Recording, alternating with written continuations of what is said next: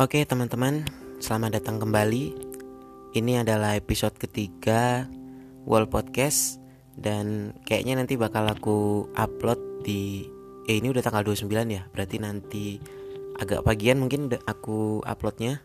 Dan kali ini tema yang akan kita ambil adalah tentang hujan. Jadi kemarin kan akhir minggu itu lagi dan lagi aku dan ketiga temenku si bijak si Piko sama si Yosep itu ngegabut. Tapi waktu itu kita ngegabutnya agak jauhan sih. Jadi kan kosku itu di daerah Megamendung di Malang. Terus kita agak sekitar 5 kilo 6 kiloan gitulah dari kos. Rencananya sih mau ngopi karena waktu itu kan udah seharian di kos aja nggak tahu mau ngapain. Akhirnya ya anak-anak itu karena sama-sama gabut ngajak aku buat ngopi aku yain Cuman karena di Malang juga keadaannya mungkin udah sebulan dua bulan ini tiap sore sampai malam pasti hujan. Kita itu kayak gimana ya di tengah jalan ada toko waralaba gitu kan sebut aja dia Alfa April. Jadi kita karena kena hujan pas mau berangkat padahal itu belum terlalu lama gitu dari kos kayak masih sekitar 5 menit sampai 10 menit lah kita jalan tiba-tiba di tengah jalan tuh udah hujan deras banget. Ya akhirnya kita meneduh dan terciptalah cerita ini. Uh, tapi gimana ya? Uh, nanti di tengah cerita kayaknya bakalan banyak yang keskip skip gitu karena kemarin aku dengerinnya itu udah kecampur sama suara-suara hujan gitu loh. Jadi nggak begitu jelas kan?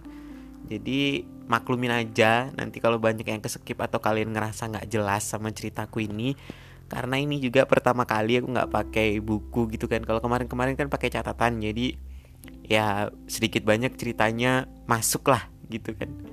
Kalau yang ini aku males bikin catatan tapi karena lagi pingin bikin podcast ya udah tanpa catatan aja. Tapi ya semoga bisa bagus lah dan semoga kalian bisa seneng juga ngedengerinnya oke? Okay? uh, eh, langsung aja. Cerita yang pertama itu itu dari aku sendiri. Cuman ini kayak udah lama gitu kan. Semasa SMA dulu sekitar berapa ya? 2012 2000 eh enggak ding.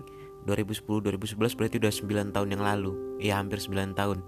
Jadi waktu itu aku pernah jadian gitu sama sama ya murid di situ. Perempuan sih pasti. Masa ngegay ya anjay garing. Maaf deh lanjut lanjut lanjut. Kenapa jadi bahas itu kan? Jadi aku kayak sama siswi situ jadian gitu. Terus pas dia ulang tahun aku mau ngasih surprise gitu kan? Bukan surprise sih lebih ke membahagiakan dia gitu. Bucin gitulah kalau bahasa anak zaman sekarang. Bucin ke dia berangkat ke pasar besar. Jadi pasar besar itu kayak pasar yang menjual segala jenis peralatan baik itu kayak peralatan dapur terus rias-rias buat perempuan gitu terus kayak pakaian juga dia jual. Nah kenapa dinamakan pasar besar? Karena pasar ini tuh satu-satunya pasar paling gede di kota itu di Sumatera sana kan. Dan pasar ini tuh jadi satu sama plaza.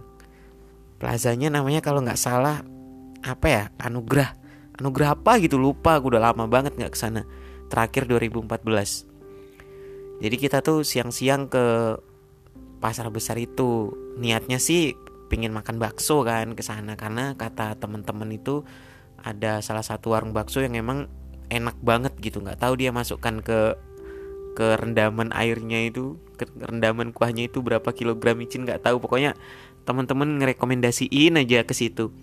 Dan akhirnya setelah kita nyampe ya gitu kita makan bakso terus kita jalan-jalan keliling-keliling plaza itu kan menikmati hari. Soalnya itu kan berangkatnya itu cuaca panas banget. Jadi kayak kalau pulang siang-siang males gitu. Soalnya nanti pulangnya itu pasti naik angkot kan. Ke kembali ke sekolah itu ke asrama itu nggak bisa apa nggak bisa naik kendaraan pribadi. Ya namanya juga di asrama kan. Tapi ketika kita pulang itu hari sekitar pukul 4 sore sampai 5 sore lah. Ketika kita pulang ternyata di luar itu mendung gitu. Dan kita nggak tahu gitu kalau hari itu bakalan mau hujan soalnya siang itu terik banget panas. Di Sumatera kan panasnya kayak yang panas banget 30 derajat gitu. Jadi ya nggak bisa kan naik angkot tadi. Terpaksa naik becak. Becaknya itu kalau di sana uh, kayak apa ya bilangnya ya? Becak motor kali. Jadi becak ada ada kayak rumah-rumahannya gitu kan. Terus di sampingnya itu dia pakai motor Vespa nah itu tuh yang bikin kota itu terkenal tuh satu karena dia banyak salak banyak buah salaknya kan di sana makanya disebut kota salak. Dan dua itu karena di sana kayak banyak banget becak yang dari Vespa itu hampir semua becak di sana itu motornya motor Vespa. Jarang ada yang kayak sekarang pakai Matic atau pakai motor bebek itu jarang. Jadi dia makainya Vespa semua. Dan ya tau lah kalau Vespa itu kan motor-motor tua gitu pasti mesinnya ya jarang terawat dan si bapaknya juga kayak males ngerawat gitu. Akhirnya kita pulang naik becak Vespa itu dan di tengah jalan. Oh iya lupa pula bilangnya. Jadi kayak dari plaza ke sekolah itu ke asrama itu jaraknya itu jauh sekitar 40-an kilo gitulah. Terus di tengah jalan pas kita udah sekitar 20 menitan gitu ternyata dong ternyata itu mesinnya beneran rusak dong karena biasanya kan becaknya itu nggak pernah sampai sejauh itu. Tapi kenapa diiyain tadinya sama si bapak? Kalau memang memang becaknya nggak bisa itu kenapa diiyain gitu loh. Harusnya kan ngomong cuman ya gimana? Keadaan juga lagi hujan kita perlu dia dan dia mungkin perlu dari kita sebagai imbalan jasanya itu kayak uangnya itu tadi kan. Makanya diiyain dia aja yolo gitu kan mati dong mesinnya. Terus ya karena apa mesin Vespa itu kan berat gitu loh. Dan si bapak itu kayak udah tua gitu sekitar 60-70 tahun yang bawa motor itu kan. Jadi di tengah jalan ya supaya motornya bisa jalan pilihannya antara dua. Di disorong supaya mesinnya bunyi lagi atau dibawa ke bengkel. Nah tapi waktu itu di jalan yang kita lewatin itu nggak ada sama sekali bengkelnya karena kayak dari plaza ke asrama itu banyak kan daerah-daerah yang sawah-sawah gitu loh. Jadi pilihannya ya cuman ngedorong. Udahlah hujan gitu kan.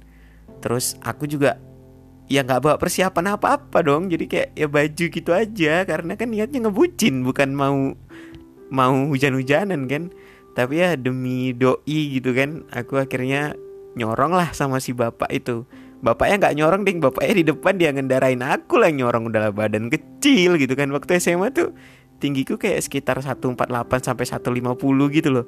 Jadi kayak kecil banget gitu nyorong dari belakang berat banget sumpah.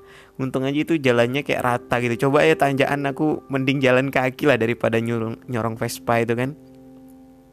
Sekitar 10 sampai 15 menit setelah nyorong dan itu tenaga aku udah habis banget gitu. Akhirnya motornya bisa jalan lagi tapi bukan karena aku sorong karena sama bapaknya itu kayak dimiringkan gitu loh. Jadi motornya di bawah terus rumah-rumahannya ini tadi di atas tapi nggak terlalu tinggi. Dan itu di dalam mesinnya itu di dalam kap mesinnya banyak banget airnya.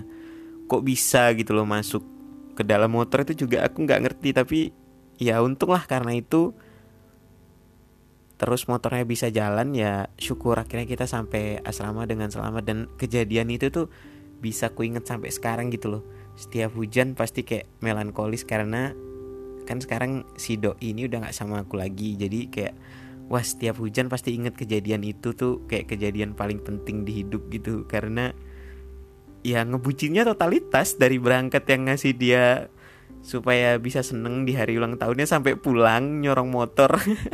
Totalitas banget jadi bucin anjay aku kalau ngelakuin itu sekarang nggak mau. Mending aku pesenin dia gitu kan ojek online daripada harus nyorong becak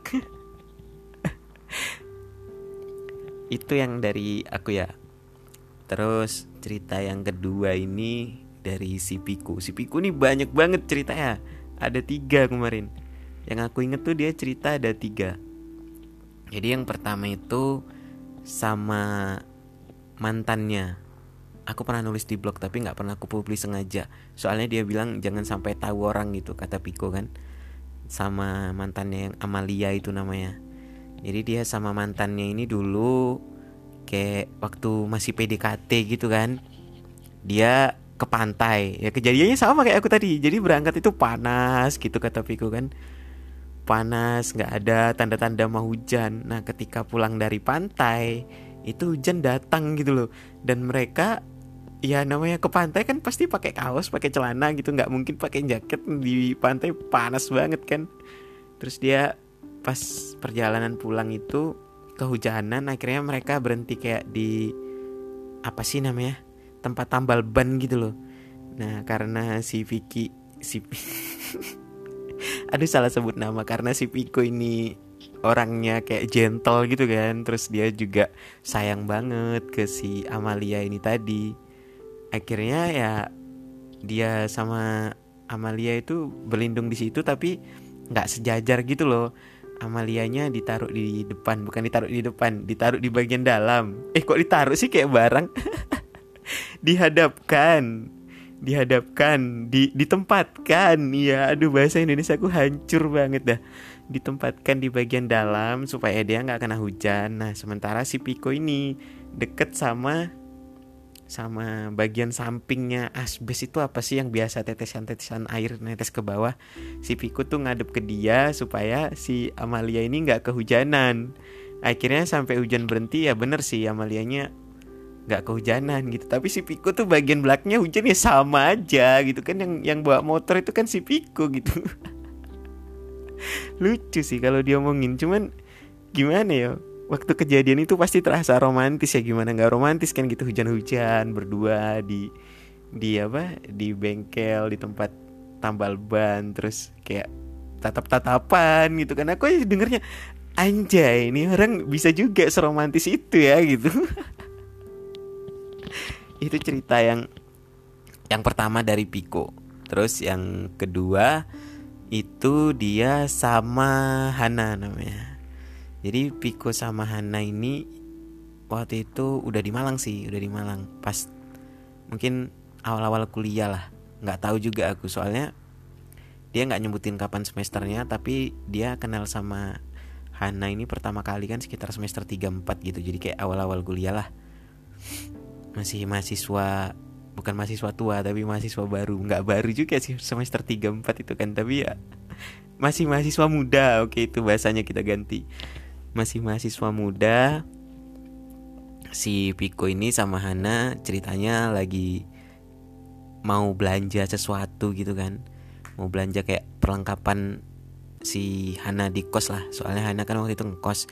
Jadi belanja belanja sayur belanja piring-piring plastik gitu. Oh iya si Hana sama si Piko ini kan beda setahun. Jadi pas lah semester 3 Soalnya Hana kan baru masuk kuliah Jadi dia sama Piko ini nyari perlengkapan itu Supaya si Hana di kosnya itu Kalau butuh masak Kalau butuh apa-apa tinggal ngerjain gitu nggak beli-beli lagi kan. Iya iya aku inget. Itu yang aku lupain. Jadi mereka belanja ke pasar Terus pas pulang dari pasar itu hujan. Dan mereka berhentinya di Indo April Nah yang jadi masalah itu namanya Indo April kan terasnya itu kan nggak terlalu besar ya dikit kecil gitu aja. Jadi si si Piku sama Hana ini bisanya cuman berdiri nggak bisa duduk. Karena di situ juga banyak banget orang yang nunggu hujan reda mereka berteduh juga. Nah tapi si Piku itu sama si Hana itu waktu masuk mereka kayak kepisah gitu. Si Hana di sebelah kiri banget si Piku ke sebelah kanan banget. Nah pas Hana lihat Piko itu tadi si Piko ini kayak matanya itu ngegodain bukan ngegodain sih dia mandang cewek lain dong di sebelahnya. Dan si Hana dari jauh otomatis kayak cemburu gitu kan. Dengan tatapan tajam dia melihat Piko nggak kan jaga aku pas diceritain ini kemarin. Jadi si Piko itu kayak salah tingkah gitu kan. Akhirnya karena dia ngerasa bersalah dia datangin lah Hana. Terus dia bilang daripada kita di sini kita mending masuk ke dalam. Jadi mereka ke dalam itu cuman mau beli sebotol air mineral gitu tapi di dalamnya itu mereka ada kali setengah jam katanya. Muter muter nggak tahu nyariin apa. Padahal niat awalnya itu ya mau beli air mineral mineral itu tadi kan. Cuman ya kenapa gitu loh? Kenapa emang kalau kalau apa mandangin perempuan lain apa pasti suka gitu? Nggak tahu dah namanya cewek kan. Jadi si Hana di dalam itu juga diajak ngomong masih nggak mau. Akhirnya gimana caranya si Piko ini tadi mau ngomong eh si Piko si Hana ini tadi mau ngomong sama Piko dibelikan lah sama si Piko kayak makanan kesukaan si Hana gitu kan. Yang awalnya cuma niat beli air mineral tadi akhirnya si Piko ngeluarin duit lebih buat beliin Hana makanan kesukaannya. Nah dari situlah baru mereka baikan lagi.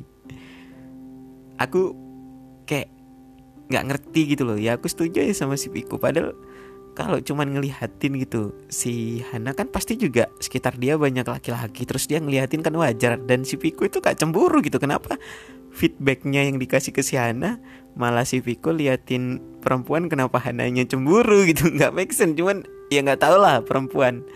Soalnya aku bukan perempuan. Jadi aku nggak tahu gimana feelnya. Mungkin karena udah nyaman itu ya karena udah dekat. Makanya kayak si Hana ini tadi ngelihat Piko mandangin cewek lain kayak cemburu gitu kan cuman ya situasinya nggak pas gitu loh. Itu kenapa ketika hujan gitu. Jadi kalian marah-marahan tetap aja nanti satu motor. Tetap pulang ke kosannya kalian berdua. Soalnya belanjaannya banyak. Terus kalaupun dia mau sendiri lari gitu ya nggak bisa lah.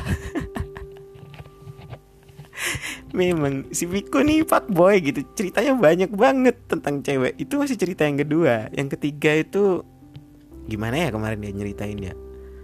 Lupa aku agak lupa oh iya mirip-mirip cerita yang kedua sih jadi kita kasih nama perempuannya siapa Rose, oke. Jadi si Piko sama Rose kan beda lagi kan perempuannya. Emang Piko banyak banget gitu temen dia perempuan nggak tahu itu temen atau gebetan atau gebetan yang ditolak sebelum bertindak nggak tahu dah. Intinya dia punya banyak banget stok cerita tentang perempuan. Bahkan aku aja cuma satu gitu loh cerita tentang hujan ini tadi. Dia banyak banget anjay. Aku sampai udahlah Piko aku ini aku ambil tiga cerita utama yang paling bagus aja lah. Nah, itulah tiga cerita inilah yang terakhir itu dia sama Rose itu kayak ya mereka keluar makan gitu loh nah tapi kan waktu itu si Piko ini sama Rose masih kayak baru sekali dua kali ketemu dan mereka belum begitu dekat. Dan itu di Malang juga kejadiannya itu di Malang. Cuman itu Piko udah kayak semester 6 semester 7 gitu kan. Mereka jalan keluar mereka makan seperti biasa. Karena tidak menyangka hujan jadinya Piko dan Rose ini tadi ya nggak bawa jas hujan gitu. Kita semua kayak menyepelekan hujan padahal kalau kata cowok buat ngegombal cewek itu kan gini. Laut akan kuseberangi gunung akan kudaki tapi kalau hujan ya aku berteduh. Kita semua menyepelekan hujan padahal hujan itu menjadi masalah gitu loh. Itu masalah penting yang nggak bisa kita sepelekan tapi nggak tahu dah kenapa manusia terlalu menyepelekan hujan. Lanjut aja deh. Jadi si Piko sama si Rosini tadi berangkat makan terus di warung makan itu mereka kehujanan dan karena mereka baru sekali dua kali ketemu si Piko itu nggak tahu lah mau cerita apa kan ya masih akwat akwat gitu loh masih kayak jaga image gitu ke Rose tapi karena hujannya itu lama, mau nggak mau dia harus buka omongan ke Rose ini tadi. Mungkin ya karena si Rose juga orangnya pendiam dan jarang ngomong, si Piko itu susah lah buat nyari obrolan kan. Dan setelah dia dapat obrolan, ternyata feedback yang dikasih sama si Rose ini tadi kurang kurang kurang masuk gitu loh ke dirinya Piko. Jadi Piko ngerasa kayak apa sih? Masa baru diajak ngobrol sekali dia langsung matiin bahan obrolan nggak tahu aku mau ngobrolin apa lagi gitu mungkin pikir Piko kan jadi ketika hujannya udah mau berhenti itu akhirnya si Piko ngajak pulang gitu kan dan setelah si Rose ini diantar pulang sama Piko terus Piko tiba-tiba menghilang dong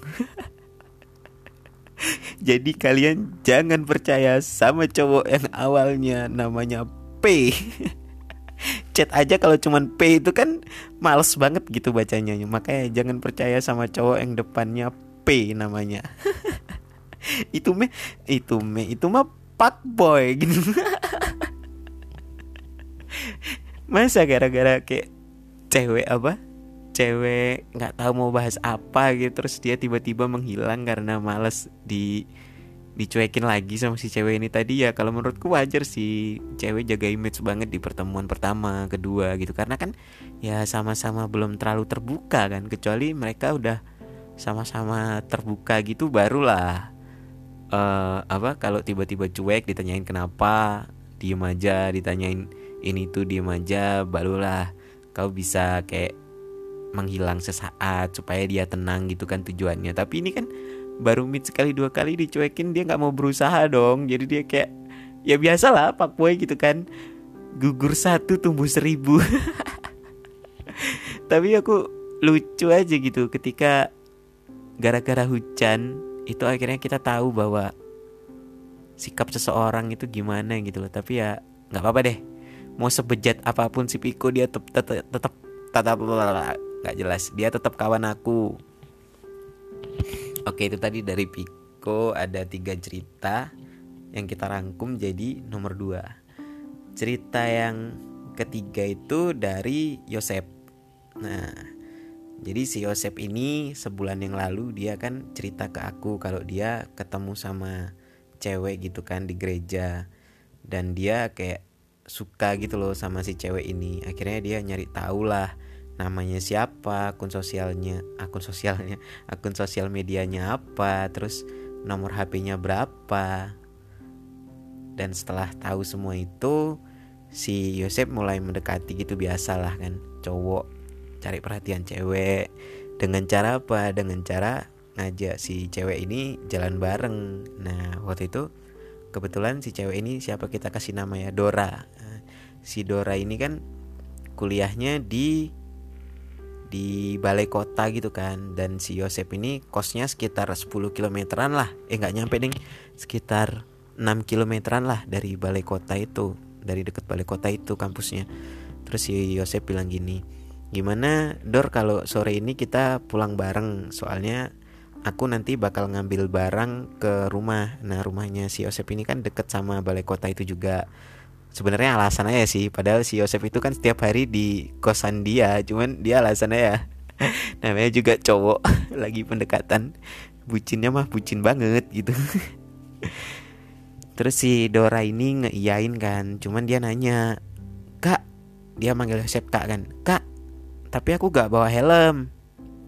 Terus si Yosef bilang nggak e, apa-apa nanti di kosan ada kok helm. Kamu siap-siap aja nanti ketika pulang aku jemput Oke lah terus si Dora ini dijemput setelah pulang kuliah. Mereka balik ke kosannya Yosep buat ngambil helm. Nah tapi di tengah jalan sebelum nyampe ke kosan Yosep itu hari itu hujan dan hujannya itu deras banget.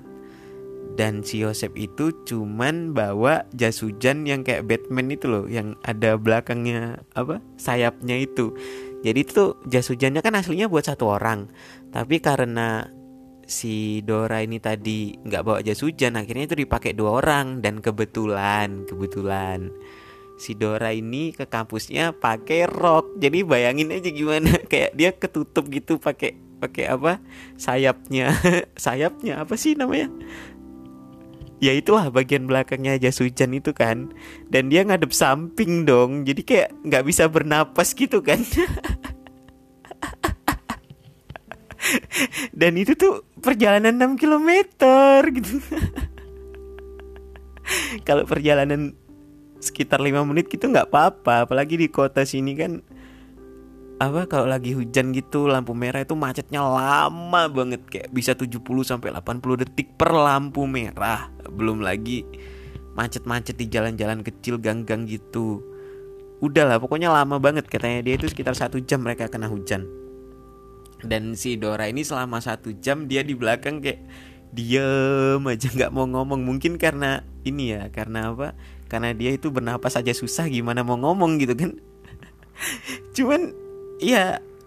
Kenapa gitu loh? Kenapa? Kenapa masih masih memaksakan gitu? Kalau menurut aku kan pribadi kalau mau lebih romantis bener kayak si Pico tadi kan. Mereka berhenti di Indo April atau di apa Alpha April gitu kan. Terus ya gitu ngobrol-ngobrol aja. Siapa tahu dapat topik yang enak buat dibicarain gitu kan. Daripada maksa pakai jas hujan Batman itu tadi mana ngadepnya samping lagi. Ya kalau si Yosef waktu itu udah mandi gitu kan. Kalau belum apa nggak bau ketiak ke mana-mana di dalam situ? Aduh aduh aku ngakak kalau inget. Pokoknya cerita cerita ceritaku sama temenku ini nggak ada yang waras dan nggak tahu kenapa. Abnormal semua gitu loh. Kita tadi cerita ketiga dari si Yosef terus yang terakhir ini nggak banyak sih. Ini dari si bijak. Kalau si bijak ini kejadiannya sama kayak aku udah lama. Waktu dia masih di kampungnya sana. Si bijak ini sama anggaplah dari tadi kita nganggap-nganggap dulu. Nganggap-nganggap ah nggak jelas. Nganggap-nganggap mulu dari tadi. Soalnya namanya itu harus diganti kan supaya orangnya nggak merasa gitu kan. Anggaplah nama ceweknya ini Rindu oke? okay? jadi bijak sama Rindu ini mereka pernah menjalin hubungan gitu kan pacaran gitu. Dan jaraknya mereka itu dua tahun ya jadi waktu itu bijak pas pulang ke sana setelah dari sini kan pulang kampung liburan. Terus rindu ini baru mau daftar kuliah.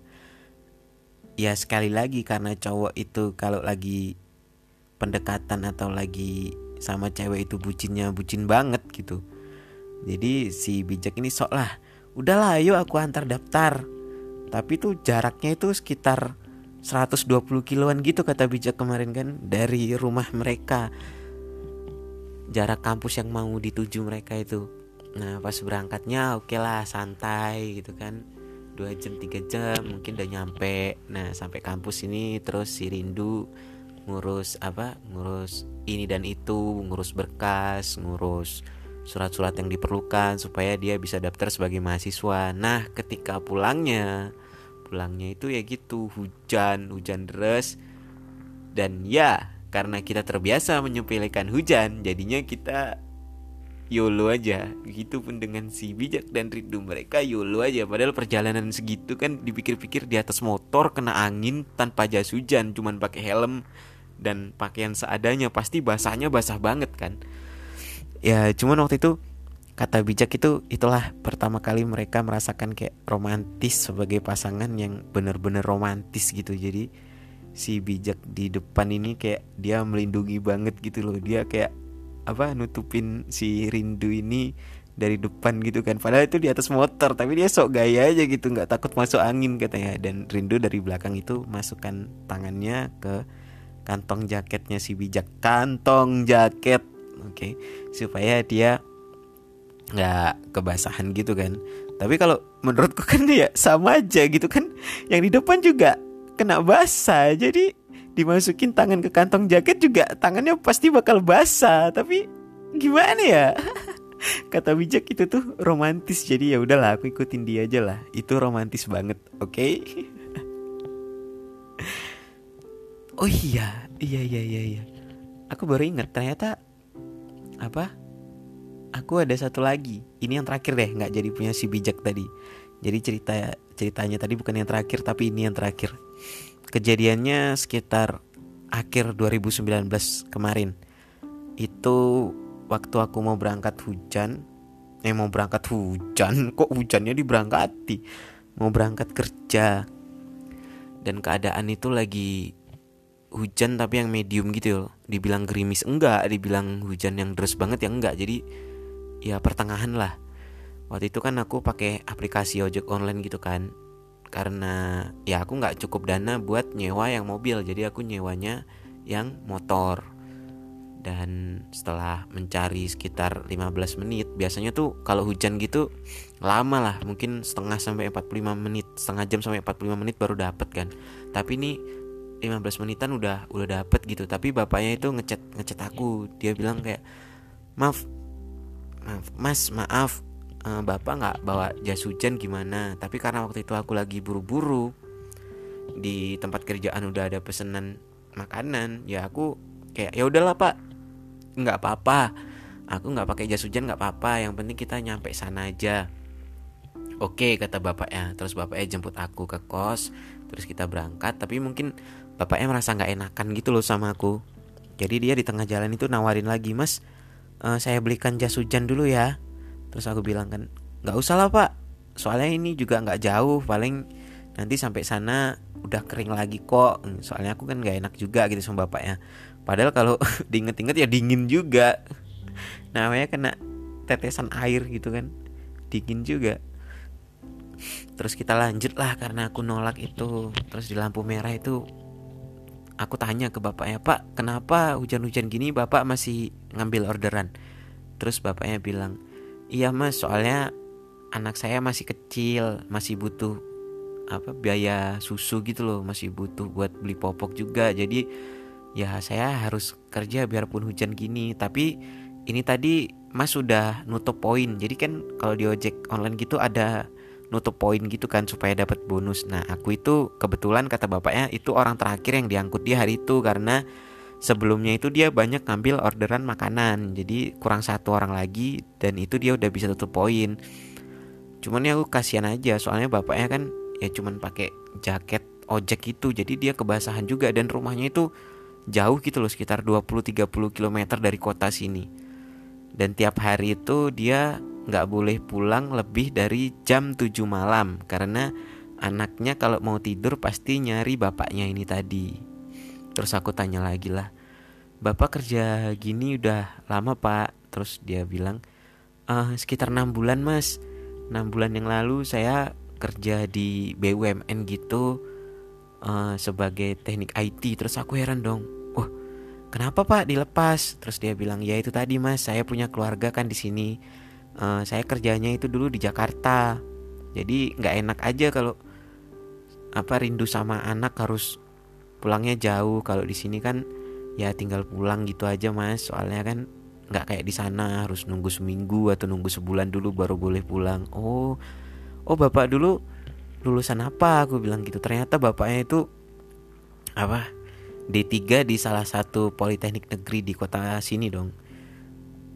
Dan aku kaget itu kayak wow ternyata kita beneran nggak bisa nilai orang dari sampulnya. Bahkan kayak ojek online aja gitu kan bapaknya lulusan itu. Padahal dia dulu udah dapat kerja yang mantep gitu kan gajinya udah udah tinggi lah daripada yang sekarang. Tapi ya kembali lagi karena kan jauh dari keluarga juga nggak enak gitu. Terus bapaknya bilang oh mas sendiri kuliah di mana? Oh saya kuliah di situ pak di di dekat kos gitu aku bilang kan. Terus bapaknya bilang saya pengen ngambil S1 apa D3 mas? Oh saya ngambil S1 TI pak. Oh sama kayak saya dulu gitu kan. Teman-teman saya sekarang banyak yang sukses juga mas. Kuliah di Politeknik itu dulu lulusannya. Oh iya pak terus aku bilang gitu kan. Iya mas sekarang ada yang kerja di BUM, BUMN ada yang kerja di bagian pemerintahan ada yang di DPR sana di Jakarta pokoknya kalau TI itu mas kayak apa kesempatan buat kerjanya itu nggak habis-habis. Tinggal gimana mas nanti ngolahnya aja. Terus aku bilang tapi saya nggak terlalu bisa pak di bagian TI sebenarnya. Saya itu dulu masuk TI itu karena saya suka komputer. Tapi setelah masuk ke TI saya nggak terlalu bisa sih. M mungkin cuman fundamental sama bagian sistem informasi gitu doang kan. Oh nggak apa-apa mas. Zaman sekarang itu kerjaan kayak gitu udah banyak juga kan yang nyediain. Terus aku mikir waduh beneran bapaknya beneran bisa kayak gimana ya ngomongnya kayak bapak itu ngerti banget gitu loh. Jadi ya itu tadi balik lagi kita bener-bener gak bisa menilai sebuah buku dari sampulnya aja. Makanya kalau kau ini kau kalian kalau kalian mau beli buku usahakan lihat contohnya dulu jangan karena sampulnya bagus terus kalian beli karena nggak gitu. Di dalamnya itu nggak mesti buku itu sesuai seperti apa yang kalian ekspektasikan. Ya contohnya bapak ini tadi kan kita nggak bisa memandang rendah pekerjaan seseorang kayak alah dia cuman ojek online. Nggak mungkin lah dia sekolah tinggi tinggi padahal tahuan bapaknya dong daripada aku. Bapaknya tahu tentang mas pakai program apa? Aku bilang Java pak nggak pakai yang ini ini ini. Nggak ngerti aku pak. Aku bilang. Padahal kan kalau status sosialnya kan ya bisa dibilang mahasiswa spesial gitulah di mata di mata masyarakat. Cuman aku aja merasa kalau aku lebih rendah dari bapak itu karena aku nggak tahu apa-apa gitu loh. Yang aku mahasiswa yang udah udah tingkat akhir aja aku nggak ngerti apa-apa. Makanya di sore itu ketika hujan di kota ini sampai aku berarti aku selama ini kurang bersyukur aja gitu. Aku harus belajar lebih banyak supaya aku tuh bisa gitu. Aku jadikan bapak itu contoh supaya aku bisa lebih paham lagi tentang materi di perkuliahan tentang pemrograman tentang user interface user experience atau apalah itu bahasa TI-nya kan.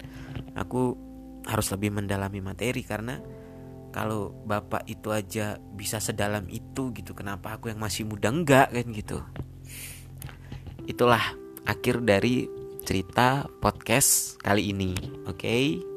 aku udah capek ngobrol 35 menit padahal rencananya aku mau bikin podcast ini tadi hampir dua jam gitu aku rencanakan tapi ya gimana capek oke okay, uh, eh, kali ini aku mau minta saran deh buat kalian gimana ke depannya podcast ini akan berjalan. Kalau kayak gini aja, gimana menurut kalian?